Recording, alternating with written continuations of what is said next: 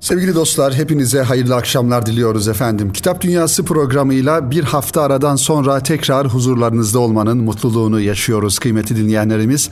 Ve şu an radyoları başlarında bizleri dinleyen siz sevgili Erkam dostlarını, Erkam Radyo dostlarını ve Kitap Dünyası takipçilerini en kalbi duygularımızla ve muhabbetlerimizle selamlıyoruz efendim. Ve yeni kitaplarımızla, yeni konularımızla inşallah sizlerin huzurlarınızdayız. İnşallah bu haftaki programımızın ilk kitabı Profesör Doktor Ethem Cebecioğlu'nun aslında çok uzun yıllar önce tercüme ettiği ve farklı yayın evlerinden neşredilen en son Kakmüs yayınlarından çıkan bir e, kitabını inşallah programımızın ilk kitabı olarak belirledik. Dervişler arasında iki hafta Karl Wett'in kaleme almış olduğu Kelami dergahına gelerek batılı bir e, yazarın efendim batılı bir e, mütefekkirin bir insanın e, Osmanlı döneminin son e, e, demlerinde Kelami dergahına gelerek merhum Muhammed Esat Erbili Hazretleri'nin dergahında geçirmiş olduğu iki haftayı hülasa eden, özetleyen ve orada şahit olduklarını kaleme aldığı güzel bir e, hem gözlem kitabı hem hatırat kitabı bir taraftan Karl bu ilginç tespitleri ve e, gözlemlerini bu kitabın sayfalar arasında görmüş oluruz kıymetli dinleyenlerimiz. İşte inşallah bu haftaki programımızın ilk kitabı Kakmüs yayınlarından çıkan ve 320 sayfadan oluşan e, dervişler arasında iki hafta çeviri Profesör Doktor Ethem Cebecioğlu, yazarı ise Karl Vett. Kendi manevi tecrübelerinden nefislerini saflaştırma uğrunda çektikleri sıkıntılardan pek bahsetmemiştir sufiler. Kendilerini ve kendilerine ait olanı sıralamayı tercih etmişler. Bu prensiplerinden olsa gerek manevi tekamülünde şahit olduklarını yazanlar kaideyi bozmayacak derecede istisnai durumdadır.'' Aslında bu durum sadece İslam tasavvufunda değil birçok mistik gelenekte bilen söylemez, söyleyen bilmez şeklinde ifade edilen arka planın sonucu olarak karşımıza çıkıyor kıymetli dinleyenlerimiz. Tasavvufta malumunuz olduğu üzere biraz kendi halini gizleme, daha doğrusu kendi amellerini Rabbi ile kendi arasında e, kalması noktasında bir gayret, yani arz endam e, etmek değil, kendini göstermek değil, daha çok haliyle, duruşuyla, tavrıyla bir e, karakter ortaya çıkarmak e, daha çok vardır. Onun için sufiler de genel manada bu tarzı tercih etmişlerdir. Haliyle bu insanların iç dünyasına, yaşantılarına dışarıdan bir okur gözüyle nüfuz etmemiz pek de mümkün olmuyor. Kendisi terim anlamıyla bir derviş olmasa da Kısa bir süre maneviyat eğitimi gören Kalvet'in Türkçemize dervişler arasında iki hafta şeklinde tercüme edilen bu kitabı dervişlerin mahrem hallerini gözlemleyebilmemize imkan sağlayan sayılı kaynaklardan bir tanesidir sevgili dinleyenler. Düşünün ki Danimarkalı bir e, insan geliyor ve tasavvufun çok yoğun bir şekilde yaşanmış olduğu bir coğrafyada İstanbul gibi önemli bir şehirde ve önemli bir zatın dergahında gelerek orada bulunarak oradaki tasavvufi e, uygulamaları, dervişlerin hallerini, yaptıklarını, uygulamalarını görerek bir kitap ve e, notlar kaleme alıyor. İşte bu da e, böyle bir kitap olarak karşımıza çıkıyor e, az rastlanan bir e, kitap tarzı olduğunu da ifade etmiş olduk. Calvet, ruh bilim, parapsikoloji, mistisizm gibi konular üzerine çalışan Danimarkalı bir bilim adamı. Hindistan seferinde tanıştığı bir imamın tavsiyesiyle İslam tasavvufunu anlamak için İstanbul'a gelen Vet, Mevlevi, Rıfai ve Bedevi tekkelerini ziyaret ederek bu tekkelerin şeyhleriyle görüşür. Bu ziyaretlerinde kendi amacı doğrultusunda verimli sonuçlar elde edemez ve bir yabancının birkaç kere tekkeye gitmesiyle dervişlik yolunu kavramasının mümkün olmayacağını fark ederek bu kişisel tecrübeyi yaşamak için bir tarikata sülük etmek ister. Yani tarikata intisap eder. Tabi Kalvet'in e, Müslüman olup olmadığı noktasında farklı düşünceler, farklı görüşler var. Ancak geçtiğimiz günlerde Ethem Cebecioğlu Hoca, kitabın mütercimi olan e, Ethem Cebecioğlu Hoca, Kalvet'in Müslüman olmadığını e, ifade ettiler, söylediler bir e, konuşmasında. Onun için bu konuda da farklı düşünceler, e, görüşler e, olduğunu ifade etmek lazım. Evet, seyri sülük e, daha doğrusu bir tasavvufa mensup, mensup olmak gerektiğini e, anlar. Yakın dostu Mahmut Muhtar Paşa'nın yönlendirmeleriyle Kelami dergahına müracaat eder. Kendi ifadesiyle bir dergahta derviş olarak bir süre yaşamasına izin verilen ilk gayrimüslimdir Karlvet. Eğitim almak üzere geldiği tekkenin şeyhi Nakşi ve Kadiri tarikatlarından e, icazet almış, Meclisi Meşayih Reisliği de yapmış olan Muhammed Esat Erbili Hazretleridir. Muhammed Esat Erbili Efendi özel olarak ilgilenir Karlvert'le ve ona sen başka bir amaçla değil, sadece bizim hissiyatımızı anlamak maksadıyla bu sade hayatımızı paylaşıp kendini ifade eden ilk kişisin şeklinde ona iltifatta bulunur. Dergahın bu alışılmadık misafirine dergah sakinleri de dostane bir şekilde yaklaşırlar. Dergah sakinlerinin Şeyh Efendi'nin yakında ihtidasına vesile olacağı bir batılı olarak gördükleri Karlvet, kitapta kaydettiklerinden anladığımıza göre ihtida etmemiş. Evet az önce de ifade ettiğimiz gibi. Tabi Muhammed Esat Erbili Hazretleri bir Allah dostu bir tarikatın şeyhi o yıllarda. Elbette ki tarikata, dergaha gelen her kim olursa olsun e, elbette ki kapıyı açacak ve onu buyur edecek ve e, onun da hidayete ermesi noktasında e, bir e, arzusu e, olacaktır şüphesiz ki o niyetle e, Kalvet'e de bir yakın ilgi gösterdiğini görüyoruz. E, Kalvet'in amacı dervişlerin coşkulu hallerini ilk elden gözlemlemek ve burada edindiği birikimi doğuyu ve batıyı karşılıklı anlayış ve arkadaşlıkta birleştirme girişiminde kullanabilmektir. E, batılı bir insan tabii ki e, doğunun misti, doğunun tasavvufu daha doğrusu mistisizm e, çok da bize ait bir kavram değil sevgili dinleyenler. Bizim tasavvufumuz var.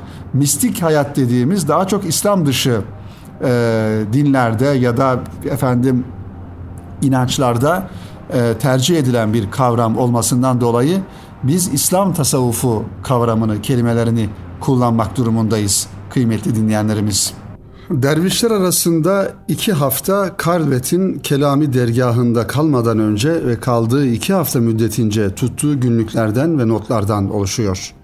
Eser otantik bir tekke hayatı, tasavvuf erbabının dünya görüşü, doğulu insanın ruh haritası ve 1920'lerde İstanbul'daki sosyal yaşantı hakkında önemli bilgiler sunuyor bize.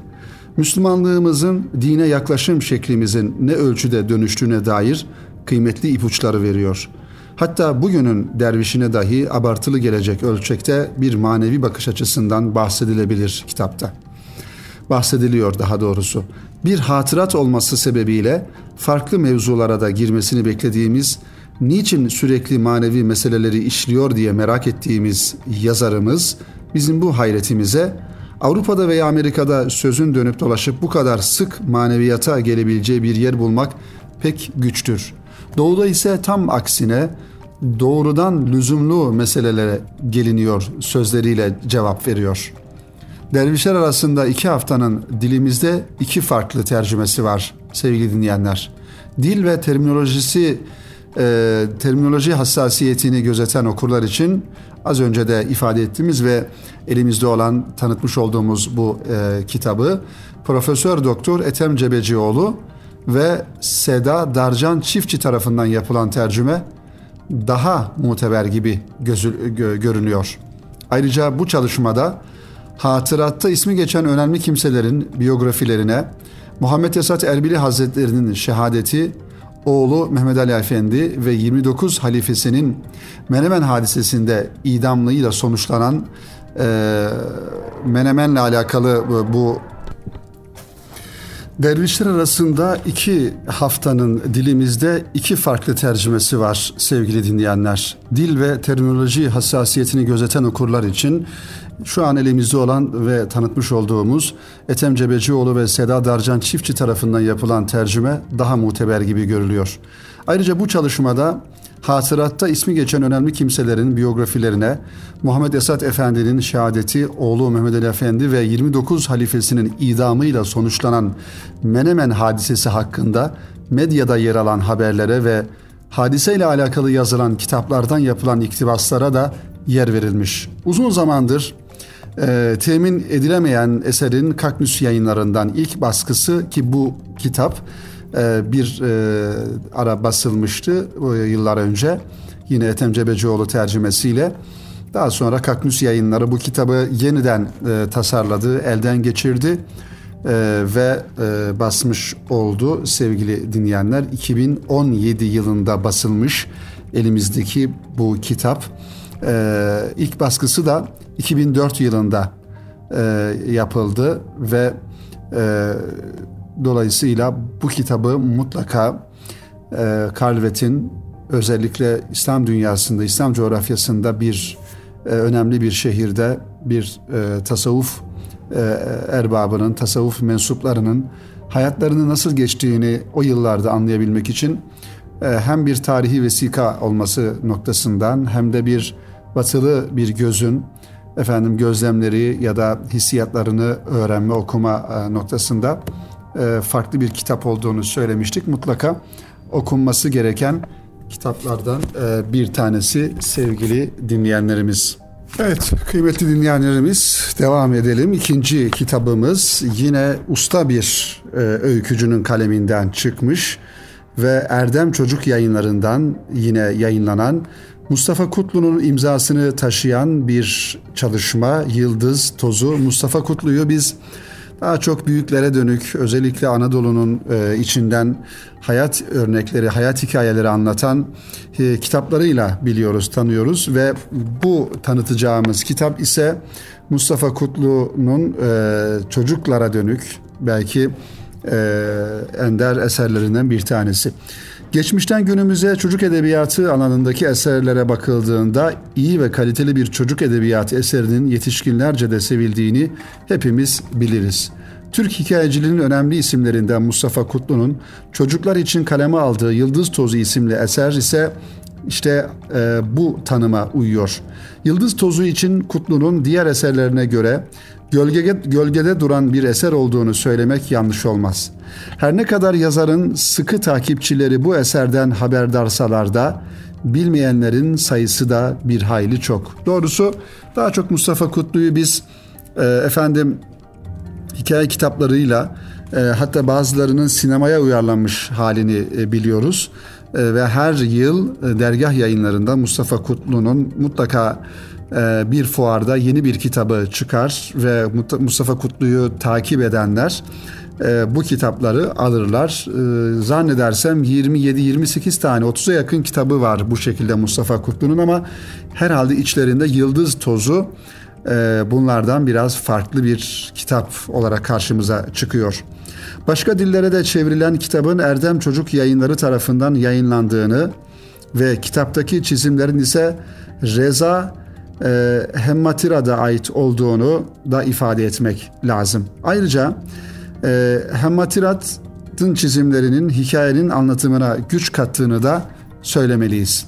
Peki bu denli velut olan kurmaca dünyasının büyülü atmosferinde yıldız tozunun yeri nedir? Bizi nasıl e, etkilemektedir? Genel itibariyle her yıl sonbahar aylarında bizi yeni hikaye kitaplarıyla buluşturan Mustafa Kutlu'nun e, eserleri akılcılık, sadelik, Anadolu hayatını yansıtma, milli değerlere bağlılık ve gelenekten kopmama, gelenek modernite çatışmasından doğma gibi özellikleriyle bilinir. Mustafa Kutlu hikayeciliğine dair pek çok özellik sayabiliriz ama bize göre bu özelliklerin başına sahicilik duygusu eklenmelidir. Mustafa Kutlu'nun en sade ve basit ifadeleri bile bize birçok zaman bu sahicilik duygusunu e, anlatır. Anlatımın içinde kaybolup gideriz. Kurgu içinde her ifadenin anlamlı bir yeri vardır. Kitaba ismini veren Yıldız Tozu hikayesi bir yaz gecesi kardeşiyle damda yıldızları izleyen karakterin cümleleriyle başlıyor. Kenan ve abisi yıldızlara bakarlar. Abisi Kenan'a kayan yıldızın sahibinin ölmüş olacağını söyler. Sonra bir yıldız kayar. Olaylar öyle gelişir ki dayısı Kenan'ın abisine bisiklet alır, o ise kimseyi bisiklete bindirmek istemez. Kenan izinsiz bisikleti alıp sürerken uçurumdan aşağı yuvarlanır. Acaba Kenan ölecek mi, gökteki yıldız kayacak mı diye düşünmeye başlarız hikayeyi okurken. Bu noktadan sonra kitapta masalsı bir anlatıma da şahitlik ediyoruz. Kitabın ikinci ve son hikayesi ise Mustafa Ruhi Şirin'e ithaf edilen Uç Selahattin Uç isimli hikaye.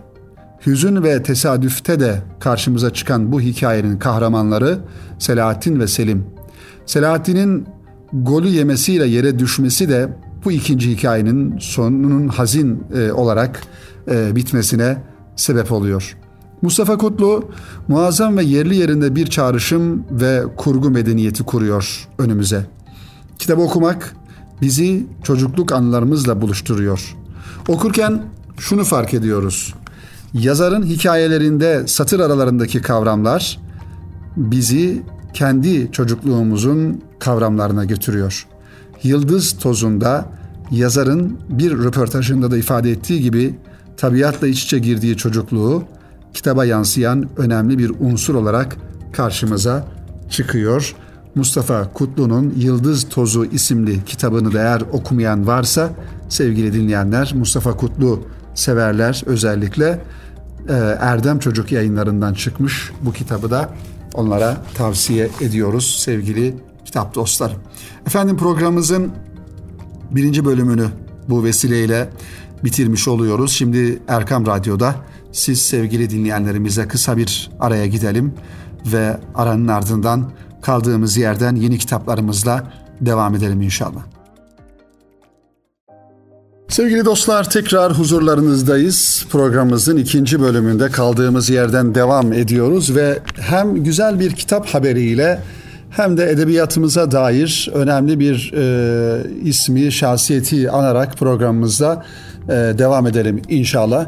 Ketebe yayınları Cengiz Aytmatov'un e, birçok kitabını çatısı altında topladı ve yayınladı sevgili dinleyenler. Cengiz Aytmatov gerçekten önemli bir edebiyatçı, dünya çapında büyük bir yazar, edebiyatçı ve Türkçemize kazandırılmış olan farklı yayın evlerinden çıkan kitaplarının olduğunu biliyoruz.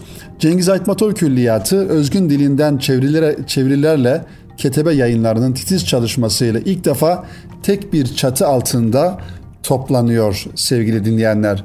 Selvi Boylum, Al Yazmalım, Beyaz Gemi, Gün Olur Asra Bedel, Elveda Gülsarı gibi sevilerek okunan kitapların yazarı, dünya edebiyatının ustalarından Cengiz Aytmatov'un bütün eserleri artık Ketebe yayınlarından okura ulaşıyor. Böylece Aytmatov Külliyatı özgün dilinden çevirilerle ilk defa bir çatı altında toplanmış olacak. Bu külliyatı anlamanın temel şartı bence benim kitaplarımın en büyük özelliği gerçekleri yazmasıdır. Hayatın kendisini ve karşılaştığım acı, tatlı her şeyi olduğu gibi kitaplarıma aktardım diyen Aytmatov'un hayatına bakmaktır. Öyleyse şöyle kısa bir e, şekilde Cengiz Aytmatov'u sevgili dinleyenler yakından tanımaya çalışalım. Türk dünyasının önemli e, edebiyatçılarından, hikayecilerinden, romancılarından birisi. 2008 yılında yanlış hatırlamıyorsam vefat etmişti. O zaman Azerbaycan'a da gelmişti. Ee, sevgili dinleyenler Cengiz Aytmatov. 1928 yılında Kırgız, Kırgızistan'da doğan Cengiz Aytmatov'un gençliği İkinci Dünya Savaşı sonrasının zorlu atmosferinde geçti. Ee, Cambul Veterinerlik Teknik Okulu'ndaki eğitimi sırasında edebiyata yönelen Aytmatov, 1952 yılından itibaren yayımladığı makaleler ve kısa hikayeler sayesinde Maxim Gorki Edebiyat Enstitüsü'ne kabul edildi ve 1958 yılında buradan mezun oldu. Aynı yıl yayınlanan Cemile adlı romanıyla edebiyat dünyasında başarıyı yakaladı. Louis Aragon'un dünyanın en güzel aşk hikayesi dediği Cemile'yi Fransızcaya çevirmesiyle Aytmetov adı dünya çapında da duyulur oldu. Aragon çeviriye yazdığı ön sözde esere hayranlığını şu sözlerle ifade ediyor. İşte şimdi şurada Villon'un, Hugo'nun, Baudelaire'in Paris'inde, kralların ve devrimlerin Paris'inde, ressamların 100 yıllık Paris'i olmakla övünen, her taşı ya bir tarihi ya bir efsaneyi hatırlatan şu Paris'te bir şarkıda dendiği gibi öyle çok aşk, aşık yaşamış ki hangisini alacağımı bilemiyorum.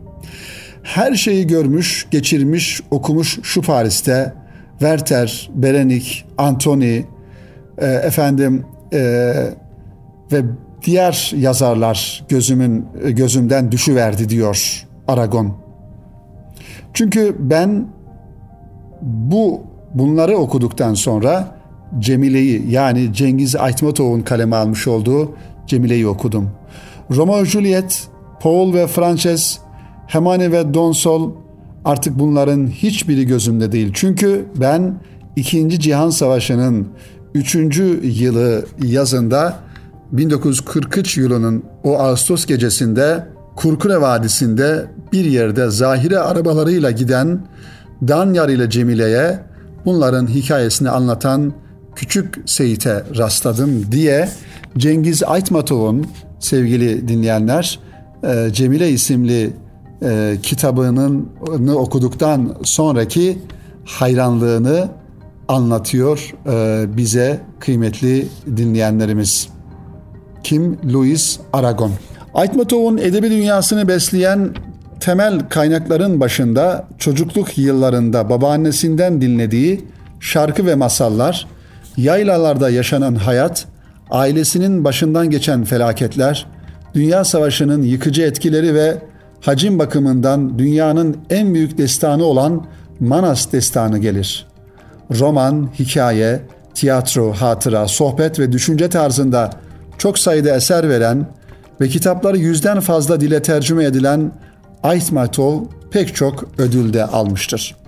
1960'lı yıllardan itibaren Türkiye'de tanınmaya başlayan yazar, Türkiye'ye ilk kez 1975'te Turan ülkesinin edebiyatına hizmet ödülünü almak için geldi. Sonrasında İstanbul Sinema Günleri ve Türk Dünyası ödülüyle Fahri Doktora ünvanını almak için iki defa daha geldi Türkiye'ye 2007 yılında. Ayrıca Selvi Boylum Al Yazmalım hikayesinin 1977 yılında Atıf Yılmaz tarafından beyaz perdeye aktarılmasıyla geniş kitlelerce tanındı. 1991 yılında Kırgızistan'ın bağımsızlığından sonra aktif bir siyaset hayatı sürdüren Aytmatov 10 Haziran 2008 yılında Almanya'da vefat etti. Gelelim Ketebe yayınlarının Aytmatov'un kitapları ile alakalı e, çalışmalarına sevgili dinleyenler. Ketebe yayınları vefatının 13. yıl dönümünde Aytmatov'un eserlerinin hepsini özgün dilinden tercüme ederek okura sunuyor. İlk aşamada usta yazarın 13 kitabı raflardaki yerini aldı. Bunların isimlerini belki tek tek burada saymaya gerek yok ama bildiğimiz az önce de ifade ettiğimiz gibi Gün Olur Asra Bedel, Cemile, Beyaz Gemi, Elveda Gülsarı, Deniz Kıyısında Koşan Ala Köpek, Erken Gelen Turnalar, Sultan Murat, Yüz Yüze gibi e, kitaplar raflarda yerini almış oldu. Ketebe yayınları markasıyla sevgili dinleyenler. Daha önce Türkçe'de yayınlanmayan Oyma Rezba, Bulgar Kız, Kibar, Efsaneler ve Masallar da bu e, kitaplardan sonra e, çıkacak olan kitaplar arasında ki bu kitaplar e, Türkçe'ye ilk defa yayınlanmış, tercüme edilmiş olacak. Ayrıca deneme kitapları da külliyata dahil edilecek Ketebe yayınlarından. Proje editörlüğünü Ahmet Öz'ün üstlendiği Aytmatov külliyatını e, Murat e, K. Murat burada tabi e, soy ismini açık yazmamışlar yayına hazırlıyor. Dikkat çekici kapak görselleri ise Volkan Akmeşe tarafından yapılıyor. Kırgızistan bozkırlarının sesini Anlattığı zamansız masallarla dünyaya duyuran Aytmatov'un davetine katılmanın tam sırası. Şöyle diyor, yüreğinizin sıcaklığını esirgemeyin benden. Yaklaşın, biraz daha yaklaşın. Size öykümü anlatmak zorundayım. Tabii Cengiz Aytmatov'un sevgili dinleyenler e, özellikle gençlik yıllarındaki e, yaşamış olduğu ortamlara baktığımızda o iklimi, o mevsimleri bilmek gerekiyor. Zira e, Rusya'nın e, efendim istilası altında genel manada kültürel olarak, devlet olarak, millet olarak Kırgızistan'da Rusların istilası altında bir e, hayat e, geçiyor ve o hayatın içerisinde bir çocuk, bir genç, bir delikanlı olarak e, yaşamaya devam ediyor. Çekmiş olduğu sıkıntılar, daha doğrusu sadece kendisinin değil, milletinin, insanlarının, ailesinin, büyüklerinin çekmiş olduğu sıkıntılar Cengiz Aytmatov'un bütün kitaplarında e, kitaplarına ilham olan hadiseler olarak karşımıza e, çıkıyor. Zamanımızın yani e, yaşamış olduğumuz bu zaman diliminin en önemli okunması gereken e, edebiyatçılarından bir tanesi olduğunu da söylemek lazım e, Cengiz Aytmatov'un sevgili dinleyenlerimiz. Efendim bir başka kitaba geçelim. Merhum Mehmet Akif'i anlatan güzel kitaplardan bir tanesi geçtiğimiz günlerde elime geçmişti. Mustafa Kara imzasını taşıyor. İstiklal Marşımızın bülbülü Mehmet Akif Ersoy. Müsiyat Bursa Şubesi bu kitabı neşretmiş. Ee, aslında hediye olarak dağıtılıyor ama kitabın gerçekten diğerlerinden e, ayrıcı en önemli özelliği, özellikleri Mehmet Akif'in hayatını kronolojik bir şekilde anlatmasının yanında Mehmet Akif Ersoy'un irtibatta olduğu, sevdiği, dostlarım olarak dediği e, zamanın mütefekkir alim, insanlarının da hayat hikayelerinin yer bulmuş olması ve e, gerçekten çok önemli şahsiyetler olduğunu görüyoruz. Adeta bizim yani Mehmet Akif Ersoy'la başlayan e, 1900 diyelim işte 20 yıl 20'li yıllarda 30'lu yıllarda ki 36 yılında vefat ediyor merhum Mehmet Akif. Daha sonraki yıllarda e, düşünce ve ruh dünyamızı imar eden insanlarla her birisiyle bir şekilde irtibatı olmuş ya da onların Mehmet Akif'le irtibatları olmuş. Arka, arkasından onun arkasından çok hüsnü zanla yazılar kaleme almışlar.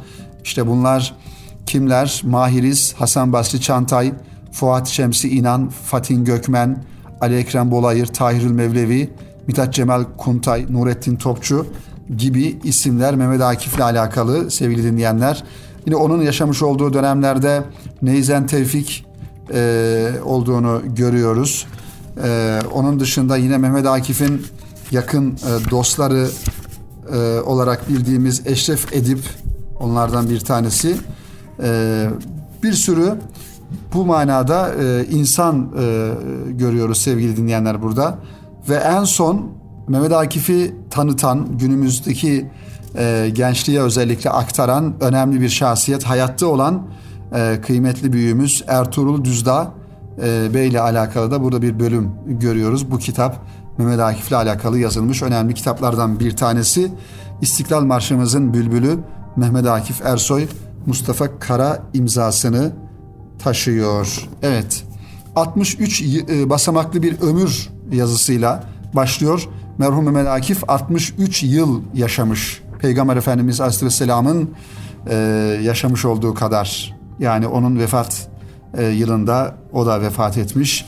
Efendimizin e, vefat yaşı ile aynı ve burada 63 e, maddede merhum Mehmet Akif'in hayatını yazarımız özetlemiş. Gerçekten çok iyi bir e, kronoloji ortaya çıkarmış. Kitaptan da bu satırları okuyabiliriz. Kıymetli dinleyenlerimiz bu kadarla iktifa edelim. İstiklal Marşımızın bülbülü Mehmet Akif Ersoy Müsiyat Bursa Şubesi yayınlamış. E, arzu edenler oradan temin edebilirler kıymetli dinleyenlerimiz. Efendim Kitap Dünyası programının da bu hafta sonuna gelmiş bulunuyoruz. İnşallah önümüzdeki hafta yeni kitaplarla ve yeni konularla tekrar huzurlarınızda olmayı ümit ediyoruz. Hepinizi Rabbimize emanet ediyoruz efendim. Hoşça kalın, hayırla kalın kıymetli dinleyenlerimiz.